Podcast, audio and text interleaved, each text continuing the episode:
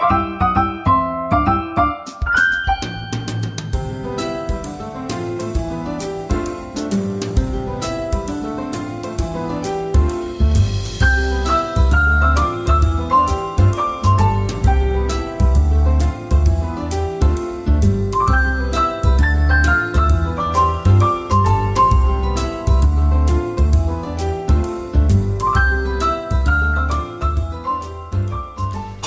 maats. Welkom by nog 'n episode van Opskit. In vanaand se storie vertel ek julle van 'n nare heks en 'n towerbal. Skuif nader en lekker luister. Lank, lank gelede, in 'n land waar daar hoë berge is, woon daar 'n nare heks. Sy is gemeen en hou net mooi niks van kinders nie. Sy hou so min van hulle dat sy hulle probeer flous en vang. Julle wonder seker hoekom sy dit doen. Wel maats, omdat sy gemeen is en omdat sy hulle wil toer. In die land is die winters baie koud en die sneeu bedek alles. Die somers, wanneer daar sonskyn en blomme is, is vir die heks veels te vrolik. Sy kan nie wag vir die winter om aan te breek nie. Nie net oor dit nat en koud is nie, maar omdat sy dan makliker kinders na toe kan lok. En hoe doen sy dit? Sy het 'n towerbal. Die bal is blink en helder en veelkleurig. Sy los dit waar kinders dit maklik kan sien en dan wag sy vir hulle om nader te kom. Op 'n dag speel 'n boetie en 'n sussie. Hulle name is Josef en Ella in die sneeu. Die twee geniet dit om sneeuballe te maak en mekaar daarmee te gooi. Ek hou baie meer van die somer, maar dis tog lekker om in die sneeu te speel. Roep Josef. Ek ook. Stem Ella saam. Sy's nog besig om sneeu bymekaar te maak om 'n sneeubal te vorm, toe sy skielik iets sien blink. Kyk daar, Josef. Kyk hoe blink dit. Wat dink jy kan dit wees? sê Ella. Josef kyk 'n oomblik, toe sê hy: Ek weet nie, Ella, maar kom ons gaan kyk. Die twee loop versigtig nader aan die blinkding. En toe hulle naderkom, sien hulle dis 'n bal, Is dit nie pragtig nie?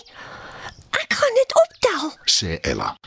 Sy draf nader, maar net toe sy dink sy het dit bereik, rol die bal weg van haar af. Sy draf agterna en haar broer volg. Dit hou 'n hele ruk so aan. En die vreemdste van alles is, elke keer as die bal gaan stil staan, is dit naby 'n stroompie, sodat die kinders kan water drink as hulle dors is, of naby 'n bos met heerlike bessies wat in die sneeu groei, waarvan hulle kan eet as hulle honger is. Hulle word dus nooit moeg nie en bly agter die bal aanhardloop. Dit hou so aan totdat daar glad nie meer sneeu is nie. Ella en Josef wil so graag die bal in die hande kry dat hulle dit nie eens agterkom nie. Uiteindelik kom die twee by 'n pragtige vallei met 'n wye skitterblou rivier en heuwels waarop daar net hier en daar sneeu lê. Nou skrik die twee groot, Ons het verdwaal. sê Ella en kyk verskrik rond. Josef se oë rek groot en hy sê: Ons het so waar. Ons weet glad nie waar ons is nie. Hoe gaan ons ooit weer by die huis uitkom? sê Ella benoud. Teen die tyd rol die towerbal steeds weg van hulle af, maar baie stadiger. Die weer het ook begin opsteek en dit raak donker. Toe, skielik, bereik hulle 'n groot pikswart rots en die bal hou op wegrol. Ella tel dit op en eensklaps verdwyn dit, soos wat 'n seepelsel heeltemal in die niet. Die kinders kry koud en hulle is moeg. Hulle weet nie wat om nou te doen nie en gaan lê uit moedeloosheid op die grond. Na 'n ruk raak hulle bewend aan die slaap. Heel wat later, toe hulle wakker word, probeer Ella regop sit. Maar sy kan nie, want haar hare het vasgegroei in 'n rots. Om die waarheid te sê, haar hare is hard en dis van klip gemaak. Sy sien haar boetie 'n end weg van haar sit en roep: Josef, kom hier na toe. Kom na my toe asseblief. Maar haar boetie kan nie by haar kom nie. Terwyl sy geslaap het, het die nare heks haar hare gestreel. Dis hoekom dit nou kliphard is. Sy het haar ook getoer sodat niemand naby haar kan kom nie. Ella is nou baie bang. Sy weet nie wat aangaan nie en sy weet ook nie wat om te doen nie. Maar toe, skielik vlieg daar 'n spierwit voël nader en bekyk die twee. Al manier om jou suster los te kry uit die rots waarin die nare heks haar vasgevang het, is om vuur hiernatoe te bring. sê die voël. Wat 'n soort voël is jy en hoe weet jy dit? Vra Josef. Ek is 'n flamink. Ek is baie ver van my huis af.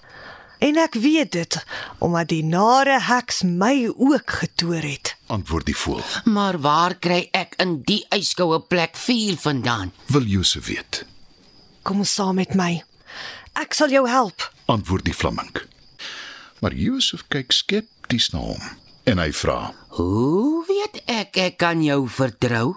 Ella, wat die hele storie sit en dophou, roep ongeduldig. Gaan net Josef. Asseblief, ons het niks om te verloor nie. Ek sit vas aan 'n rots. Waag enigiets om my los te kry. Ek smeek jou. Nou goed. Eh, Kom Flamink, kom ons gaan en kom ons soek vuur. Stem Josef in en hy draf agter die voël aan. Na 'n hele ruk kom hulle by 'n hut in die sneeu. Daar trek rook by die skoorsteen uit en Josef besef dadelik dit beteken dat daar vuur in die vuurhert is. Hy en die flamink gaan versigtig nader. Hy maak die deur oop en ja, daar is inderdaad brandende takke op die vuur. Hulle tel elkeen een op en begin daarmee draf na waar hulle Ella gelos het. Daar aangekom, gaan Josef eers te nader met 'n brandende tak. Maar sommer gou word dit geblus deur die nat sneeu. Ag nee. Ek is gedoem om vir ewig hier te bly. My hele lyf sal seker naderhand in 'n rots verander. Huil Ella. Moenie moed verloor nie. Ek sal jou red. Dit beloof ek. Paai die spierwit voel. Sy gaan versigtig nader met die brandende tak in haar bek. 'n Paar keer laat val sy dit amper, want dit is baie warm. En haar vere is besig om te verkleur. Maar sy hou vol totdat sy by die rots is waarin Ella vasgekeer is. Sy swai die tak oor die rots en skielik is sy los. Dankie. Baie dankie. roep Ella.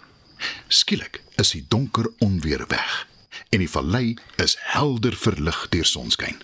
Die kinders kan ver voor hulle sien en deur ander kant is hulle huis. Die heks se towerkrag is iets van die verlede. Ons is vry. En kyk net my pragtige pink vere. roep die flamink. Toe vertel sy hulle dat die nare heks haar vere van pink na spierwit verander het toe sy haar nader gelok het met die blinkbal. Dink net wat sy aan ons sou gedoen het, Josef.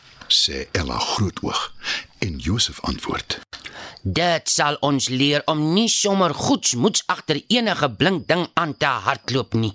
Die twee bedank die flamink vir haar hulp en gaan dankbaar huis toe.